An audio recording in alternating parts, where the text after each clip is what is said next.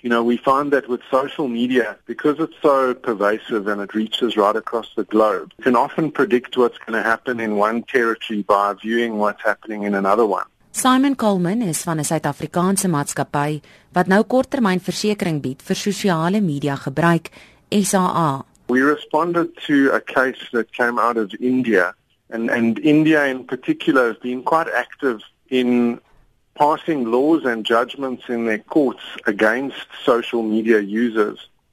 And in April this year, they actually uh, passed a judgment where the administrator of a WhatsApp group was going to be arrested because of a defamatory image that was posted of the prime minister. It was one of those photoshopped memes, uh, and, and that's something we see all the time in South Africa. The court said as an administrator, you've got certain responsibilities, not dissimilar to the responsibilities that, let's say, a radio station or a TV station has in making sure that the content that goes out is is honest and consistent with whatever the group stands for. Coleman sê daar was al voorheen soortgelyke sake. In December last year, there was a well-publicized case in uh, the North Gauteng High Court Hector versus Bernardi. And this is really where one neighbor took another um, to court for posting some defamatory comments on Facebook. And the person who was spreading the rumors was actually held liable and they were made to pay 350,000 rand.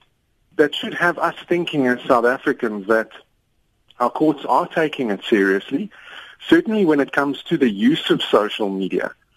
Whether they will make that extra jump and go, you know what, if you're managing a WhatsApp group, you've got certain responsibilities and you have to look after the people in that group, otherwise we're going to hold you liable.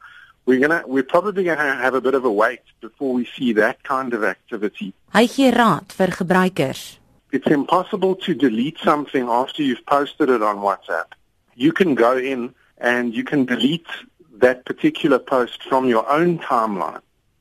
But if it's got that double tick, it's been delivered, that means it's on the group or it's been sent to the other person and you can't get it back. The administrator also can't delete it. Now, what then can the administrator do, or, or how could they be held liable if they don't do what they're supposed to do? And, and I think the answer is really in how they manage these groups. And this is what the Indian court said.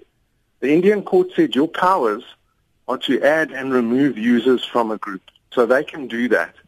The other thing that they should be doing is making sure that when someone joins a group, they understand what the purpose is of the group.